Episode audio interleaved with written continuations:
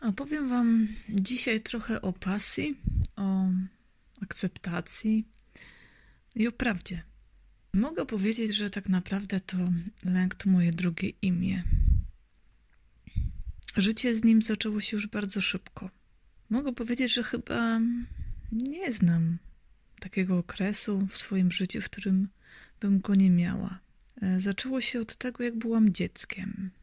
Moja mama choruje na dwubiegunowość i kiedy miała etap manii, to po prostu trzeba było jej słuchać zawsze. Były to takie sytuacje, gdzie, nie wiem, siedziałam coś sobie, robiłam swojego e, i nie mogłam tego dokończyć, bo mama mm, mnie nagle akurat do czegoś potrzebowała i krzyczała tak długo, aż przyszłam. Nie mogłam się jej zbuntować, bo kiedy to próbowałam robić, to wówczas ona wpadała w rozpacz, e, w płacz i wymuszała tą e, moją uległość. A że byłam od, odkąd pamiętam dzieckiem bardzo wrażliwym, to czułam się jak ostatnie gówno, które po prostu rani swoją własną matkę.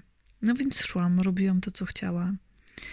Nigdy też nie wiedziałam, kiedy będzie krzyczeć, kiedy będzie czegoś wymagać, bo nie potrafiłam nawet określić tych swoich obowiązków, właściwie moich obowiązków, które według niej miałam wykonać. Ponieważ była niezorganizowana, potrafiła rozmawiać z obcymi ludźmi po 2-3 godziny albo iść na zakupy, po to tylko, żeby rozmawiać z ludźmi o jakichś w ogóle bezsensownych rzeczach. Mm, I wracała wkurzona, wyładowywała się na mnie albo na moim rodzeństwie. Pamiętam, że apogeum osiągnęłam w momencie, kiedy zgrozą i o ironią przyszła z kościoła i zobaczyła, że na stole stoją dwa nieumyte talerze.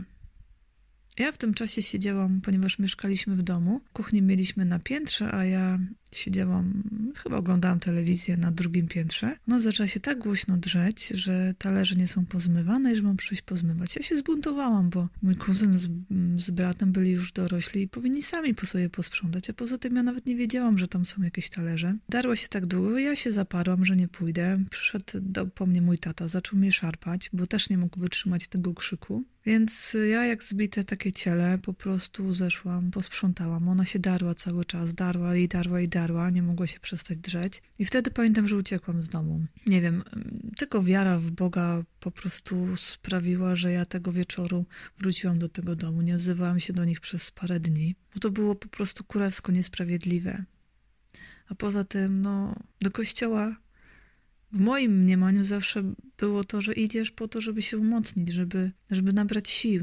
Dla mnie nigdy nie były ważne paragrafy, jakieś zasady, nakazy, zakazy, tylko po to, żeby mieć kontakt z Bogiem. Bo ta duchowość to, to była jakby zawsze też we mnie wszczepiona od, od urodzenia. Ja zawsze też szukałam tej religii takiej prawdziwej, czyli takiego kontaktu z Bogiem, a nie tych takich tylko formułek czy regułek. Potem, jak już byłam starsza i trochę się wyrwałam y, z, z tego domu, to wyszłam też z takim poczuciem braku akceptacji. No bo cokolwiek bym nie robiła czy robiła, to moja mama nigdy nie była zadowolona. Eee, więc ja usilnie starałam się to zadowolenie, tą akceptację u ludzi uzyskać. Jednocześnie gdzieś tam w środku zaczęła dochodzić do głosu moja pasja, bo zaczęłam pisać. Były to małe rzeczy. Na początku wiersze, prowadzenie gazetki szkolnej. Potem z kolei um, udało mi się, nie wiem jakim cudem, ale dostać do klubu sportowego i tam robiłam taką gazetkę dla kibiców wspólnie z bratem. Potem przyszły y, studia.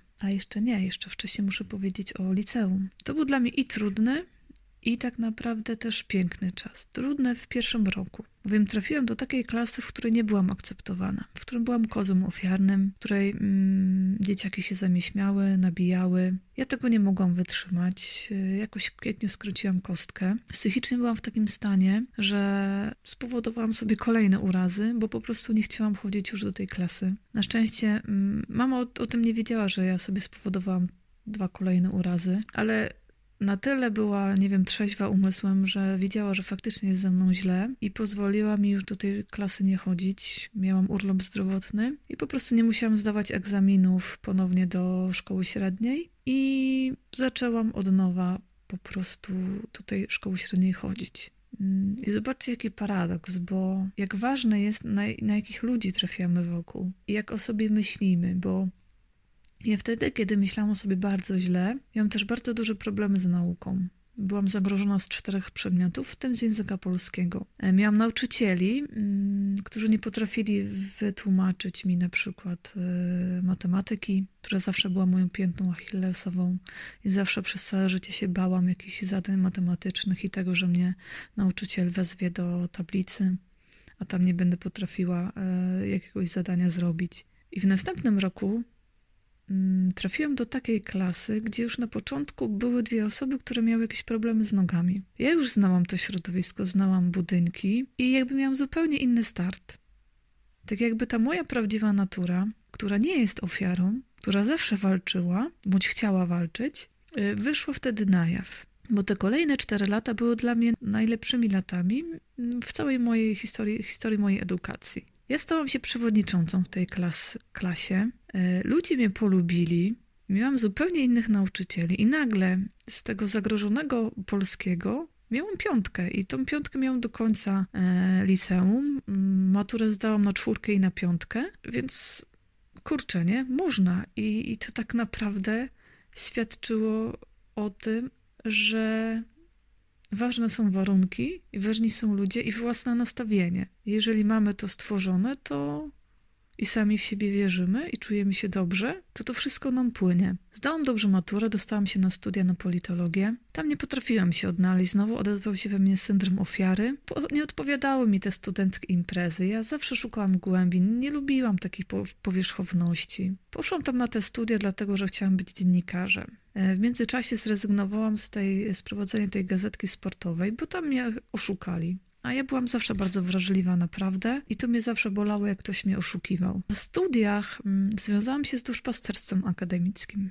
I muszę powiedzieć, że to był taki czas dwojaki, bo z jednej strony obudziła się we mnie mocno duchowość. Ja tam pisałam różne duchowe teksty, różne rozważania. Bardzo lubiłam adorację Najświętszego Sakramentu, w którym człowiek jest sam na sam, jakby z Bogiem, tak ja sobie to wyobrażałam. I nie było żadnych modlitw, niczego innego ale też obudziło się we mnie to poczucie potrzeby akceptacji. I mm, ponieważ byłam w takim duszpasterstwie, które było bardzo aktywne, nie tylko tym spektrum duchowym, ale też e, takim organizacyjnym, bowiem mm, robiliśmy różne akcje charytatywne dla dzieciaków z domów dziecka, ze szpitali, e, czy różne koncerty, dni papieskie, e, więc Muszę też powiedzieć, że tam nauczyłam się mm, takiej pracy organizacyjnej, tego, czego nie nauczono mnie nigdy na studiach, była też taka fajna rzecz, ponieważ w tym duszpasterstwie jakby byłam w takim gronie, które, które zarządzało tym duszpasterstwem i tam dwa razy w roku mieliśmy coś takiego jak ewaluację, czyli każdy musiał napisać, co myśli na temat danej osoby, duchu oczywiście tam miłości, szczerości,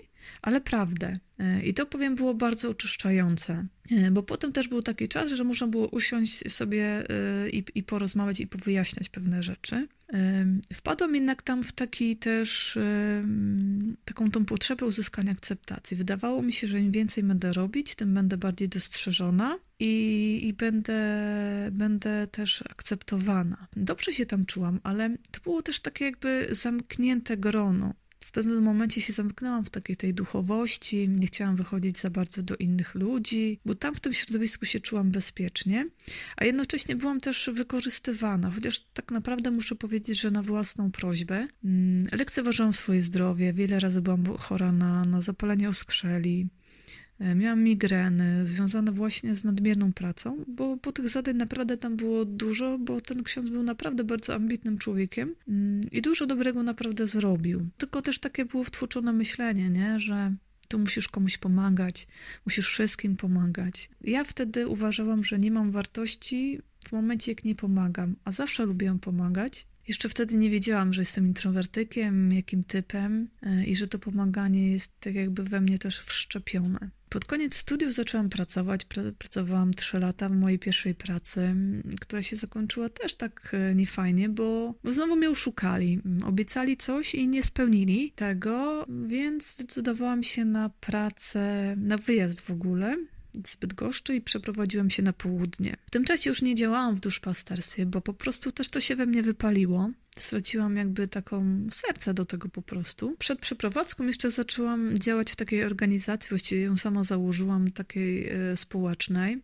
I organizowałam mm, z ludźmi z całej Polski akcję oddawania krwi, badania potencjalnych dawców szpiku. E, udzielałam wywiadów w telewizji, w radiu. Poznałam wielu naprawdę wspaniałych ludzi, w tym też takiego człowieka, który był też głównym inicjatorem tego całego ruchu. I poznałam też taką parę, z, którą, z którą się bardzo zaprzyjaźniłam. Zamieszkałam najpierw u nich, Potem wynajęłam samodzielne mieszkanie. W międzyczasie zwiedziłam całą Polskę. Robiliśmy naprawdę dużo, dużo rzeczy, w tym w memorium na 9 tysięcy osób w katowickim spotku, gdzie były koncerty, mecze siatkarskie. Więc dużo się tam nauczyłam też takich rzeczy związanych z marketingiem, z robieniem stron internetowych, z, z różnego rodzaju organizacją. Też sprawy księgowe, mm, sprawy związane z, z, z wszelkiego rodzaju sprawozdawczością, pozyskiwanie środków od sponsorów. No, ale też zaczęło się jebać, bo mm, ja miałam wtedy takiego ducha w sobie, mm, takiego mocnego, mocnej chęci pomagania, zapominania totalnie o sobie i pomagania innym. I okazało się, że ten człowiek, który był prowodyrem tego wszystkiego, y, oszukał nie tylko mnie, ale wszystkich wokoło. Nie był takim człowiekiem, za jakiego się podawał zrobił dużo złego, więc znowu ta prawda u mnie wyszła na jaw, nie? I nie mogłam po prostu w czymś dalej, dalej takim tkwić, bo to, bo to się jakby nie zgadzało z moimi przekonaniami. W międzyczasie ci moi przyjaciele, których bardzo pokochałam, to byli chyba pierwsi ludzie, którzy dali mi totalną akceptację. Ja wtedy miałam już te overwhelmingi, czyli te takie przebodźcowania. Introwertycy mają coś takiego, że ich system nerwowy jest bardzo czuły na bodźce wszelkiego rodzaju. My czujemy głębiej, słyszymy mocniej e, i w pewnym momencie, jeżeli tych bodźców jest za dużo, trochę to jest może podobne do autyzmu, to po prostu nie jesteśmy w stanie tego wytrzymać, nasze ciało nie jest w stanie tego wytrzymać i musimy odejść trochę na bok, pobyć w ciszy, żeby się uspokoić i żeby móc wrócić do ludzi. I oni zaakceptowali nawet coś takiego. Czułam się wobec nich bardzo lojalna. W międzyczasie ich firma zaczęła po prostu padać. Zaczęli odchodzić wszyscy ludzie, którzy byli wokoło i byli z nimi, mm, bo oni wcześniej mieli bardzo dużo pieniędzy. Z tym, że ja miałam wgrany program tego rescuera, pomagacza, ratownika. E, oni mieli wgrany program taki. Ona też takiego opiekuna, takiej kwoki, a on z kolei pochodził z patologicznej rodziny, z rodziny, w której był alkohol, w której nikt się nim nie zajmował. I on miał taki wgrany program. I nagle oni dostali dużo pieniędzy i nie umieli tymi pieniędzmi zarządzać, bo e, tak naprawdę żyli w tej mentalności biedaka i bardzo szybko te pieniądze potracili przez złe inwestycje i przez popełnianie tych samych błędów. Więc myśmy się tak dobrali i ja zostałam tam z nimi do końca praktycznie. Aż do momentu, w którym nie miałam za co żyć. Bo tak bardzo to przeżywałam i miałam wyrzuty, że jeżeli ja ich zostawię, no to będę świnią. A to przecież nie była prawda, bo ja ich nie mogłam uratować. Bo każdy jest odpowiedzialny sam za siebie. Też jednocześnie odebrałam sobie tą moc sprawczości, bo Całkowicie zdałam się na los tej mojej przyjaciółki, e, że ona nagle tą firmę uratuje, bo ona taka zaradna i, i się tak starała. W międzyczasie też jeszcze rzeczy się tam za, takie zadziały, że zmarła nagle jej mama. Ta firma się zaczęła sypać, ona popadła w depresję, brała leki, więc tym bardziej ja czułam się, że ja nie mogę jej zostawić. Ale jak już naprawdę nie miałam wyjścia, no to po raz pierwszy mama chyba mnie wspomogła jakoś finansowo i, i wyjechałam też, inni znajomi mi pomogli na miesiąc do Holandii. Tam z kolei nie mogłam znaleźć pracy i po tym miesiącu e, wróciłam do, do Polski, ale już do Bydgoszczy. Mój kuzyn z żoną zaproponowali mi, żebym zamieszkała u nich w domu i mieszkam tutaj prawie 7 lat. Ale co się zadziało w tej Holandii? Można by powiedzieć, że to był czas stracony, nie? No bo przecież kurczę, straciłam tam tylko pieniądze i nie pracowałam. Ale wróciła moja sprawczość bo zaczęłam załatwiać sobie papiery, założyłam konto, byłam w urzędzie skarbowym w Holandii, szukałam tej pracy i zaczęłam rozmawiać z ludźmi po angielsku. Potem, mm, jak wróciłam do tej Bydgoszczy, to w ciągu miesiąca znalazłam pracę.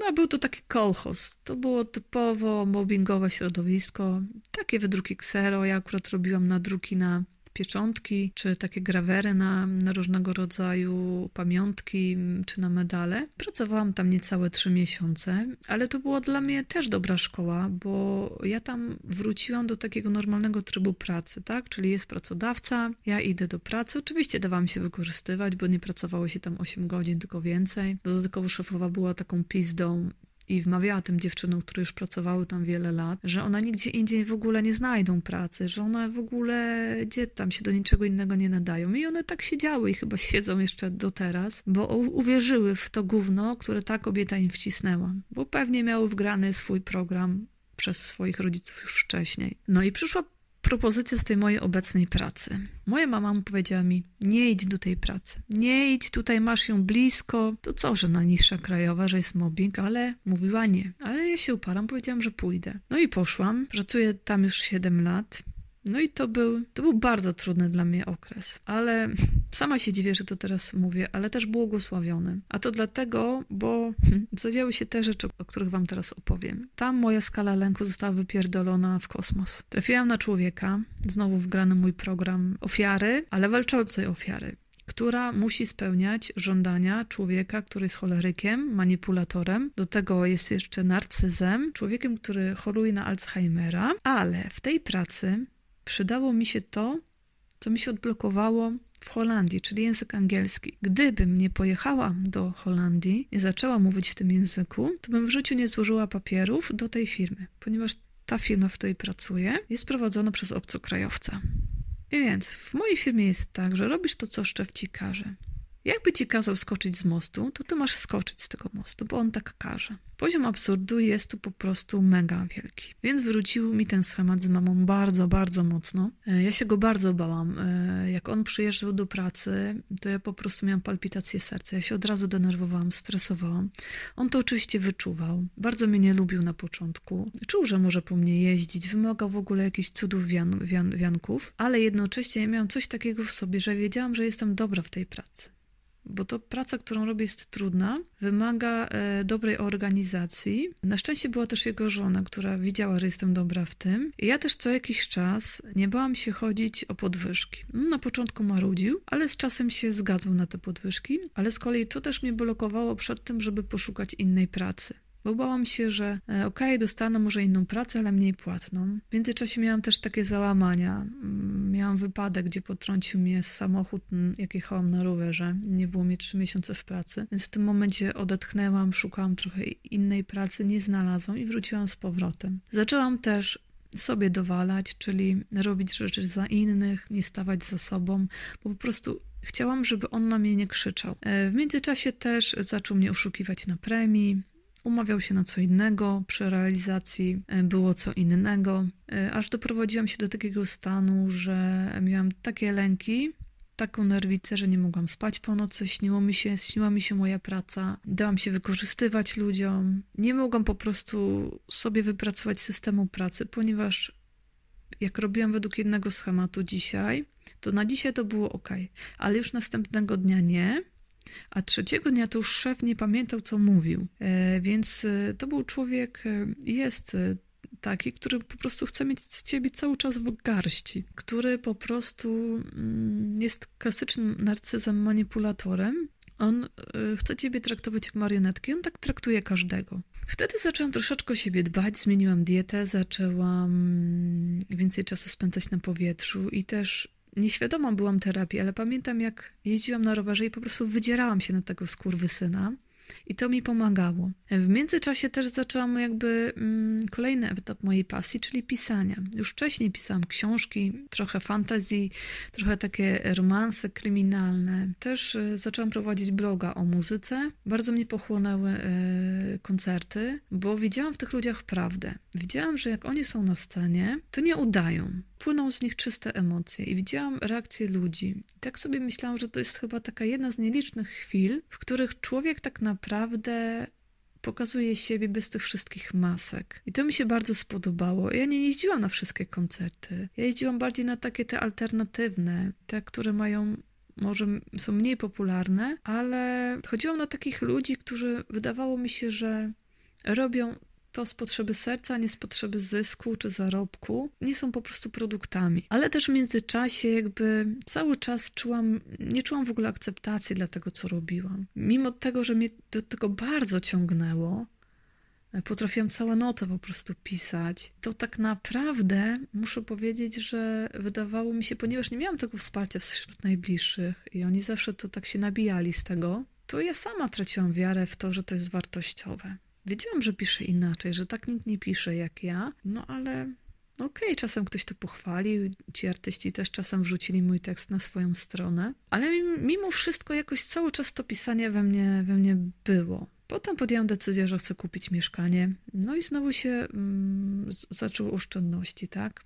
Zaczęłam trochę mniej jeździć na koncerty, mniej pisać i wpadłam w taki marazm, żyć, okej, okay, mam tą pracę, zbieram na to mieszkanie. Wydawało mi się, że jest wszystko fajnie, nie? Bo mam życie dużo lepsze niż wielu ludzi. Ale ja nie byłam szczęśliwa, bo ja nie pozwalałam e, realizować się temu, do czego zostałam powołana, czyli planowi mojej duszy. A tak naprawdę planem mojej duszy to jest dotarcie do ludzi, wspieranie ich poprzez pisanie, poprzez otwieranie siebie i pokazywanie siebie taka, jaka jestem. Zaczęłam znowu szukać, bo, bo tak jak patrzę na swoje życie, to cały czas szukałam. I tak naprawdę trafiłam na Magdę Szpilkę, na jej filmik o gniewie. Tam trafiłam na Elę, e, obejrzałam jej filmik i po prostu już wiedziałam, że to jest ta osoba, do której ja mam iść. Ten mój przewodnik duchowy. I zabrałam się za siebie bardzo, bardzo mocno. Potem poszłam na kolejne warsztaty, bo chciałam się rozwijać. Zdecydowałam się na coaching, bo chciałam się też rozwijać w tej swojej pasji. Pojawiły się wywiady. Ela uwierzyła we mnie, powiedziała mi, że to jest ważne, co ja robię. Tworzyłam drugiego bloga, e, na którym dzielę się z wami tym, no taką swoją historią życia i, i doświadczeniami z procesowania. I to wszystko się rozwija. Ja w końcu uwierzyłam w to, że to, co robię, e, ma wartość. I dlaczego powiedziałam wcześniej, że ten czas tej pracy jest błogosławiony. Dlatego, że gdyby nie ta praca, gdyby nie ten człowiek, gdyby nie takie silne triggery, to ja bym w życiu nie zmierzyła się z tym, co zrobiła mi moja mama, bo ja bym ją całe życie usprawiedliwiała. A dzięki temu, że to było tak silne, że ja już tego nie mogłam wytrzymać, to ja zaczęłam to w sobie uzdrawiać. Ja pozwoliłam sobie na ten gniew, na ten wkurw. Było to najtrudniejsze, ta konfrontacja z mamą, z tatą, ale też było bardzo potrzebna mi i była bardzo potrzebna im bo do nich też w końcu coś dotarło, bo oni nie byli świadomi tego, co mi zrobili. No i co się zaczęło zmieniać? W pracy zaczęło się zmieniać, tak? Ja podjęłam decyzję, że, mm, że tak już nie chcę żyć dalej. Te pieniądze, które miałam odłożone na mieszkanie, zainwestowałam w swój rozwój i w pracę nad sobą. Zaczęło się od stawiania granic. Kiedy szef e, chciał znowu na mnie zwalić jakieś durne zadanie, ja się postawiłam, powiedziałam mu, że odejdę, jeżeli on będzie chciał, żebym ja to zrobiła. Kurzył się na mnie, zaczął się wydzierać. Doszliśmy do jakiegoś tam kompromisu, ale mimo wszystko złożyłam wypowiedzenie. Koniec lipca. Oni się bardzo zmartwili. W ogóle dla nich to był totalny dramat. Powiedzieli, że beze mnie, e, bez tej mojej działki będzie im bardzo trudno po prostu dalej prowadzić firmę, bo znali mnie i ufali, ufali mi już na tyle, że, że wiedzieli, że jestem dobra w tym, co robię. E, ja zaczęłam w międzyczasie szukać innej pracy, procesowałam. W końcu gdzieś tam szef zaproponował pracę zdalną. Ja sobie myślę, kurde, może to nawet nie jest taki zły pomysł.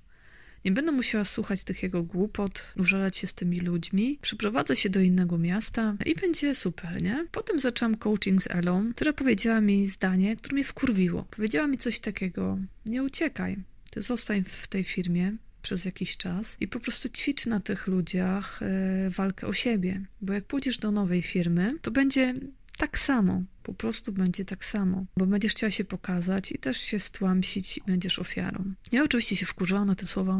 Tak sobie myślę, co tam możesz wiedzieć? Oczywiście wiem, co może wiedzieć, bo sama to przeżyła, nie? Tak, hello, odkrywam Amerykę, nie? No, wkurzyłam się, bo wiedziałam, ale wkurzyłam się dlatego, bo wiedziałam, że to jest dla mnie trudne.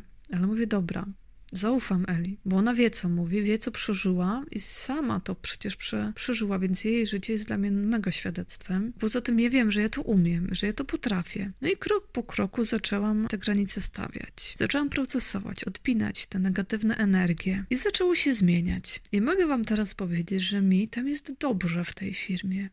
To nie jest jakiś super mega rozwój mój, ale ja teraz mam czas na to, żeby procesować, na to, żeby inwestować swój rozwój, w to pisanie, w te wywiady. E, mogę to robić spokojnie. Wkurzają mnie oczywiście te dojazdy do pracy, bo tam w sumie dziennie tracę ponad 3 godziny, więc to jest dla mnie męczące, ale Ostatnio przeprosił mnie kolega, który, przez którego miałem największe problemy. Mam jeszcze jednego do przepracowania, ale wiem, że go przepracuję, ale przepracowałam już szefa. On mi się w ogóle nie, nie czepia, on mnie tak szanuje, że się mnie pyta, radzi i ja już nie reaguję lękiem, jak on przyjeżdża. Zaakceptowałam to, jaki on jest, zaakceptowałam to, jaka ja jestem i że już sobie nie pozwolę na pewne rzeczy. I on już o tym też wie. Tak jak mnie kiedyś rąbali na premii, tak teraz rozliczałem się co do złotówki. Uczę się też, żeby nie być takim koszem na syf y, tych y, maruderów u mnie w pracy. I powiem wam, że udaje mi się to czasem lepiej, czasem gorzej. Też pamiętam to, co Ela właśnie mówi, tak? Żeby się tak też nie biczować, jak się mi coś nie uda, bo przecież mogę mieć ten kuźwa słabszy dzień i żeby sobie wtedy też nie dopierdalać. I okej, okay, ja wiem, że ja się kiedyś przeprowadzę, że ja zmienię tą pracę na inną, ale ja mogę teraz dzięki temu wszystkiemu budować swoją wewnętrzną siłę. Mogę, nie mam jeszcze jakiejś, wiecie, super akceptacji siebie,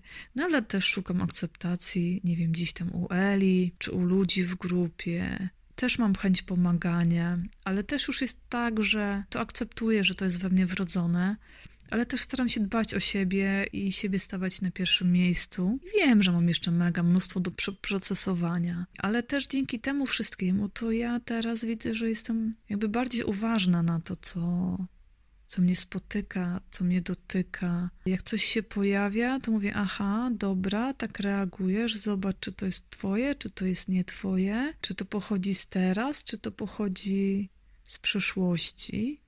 I staram się wtedy iść do tej małej Izuni, czy tej większej Izuni i ją wysłuchać i staram się dać jej to ciepło.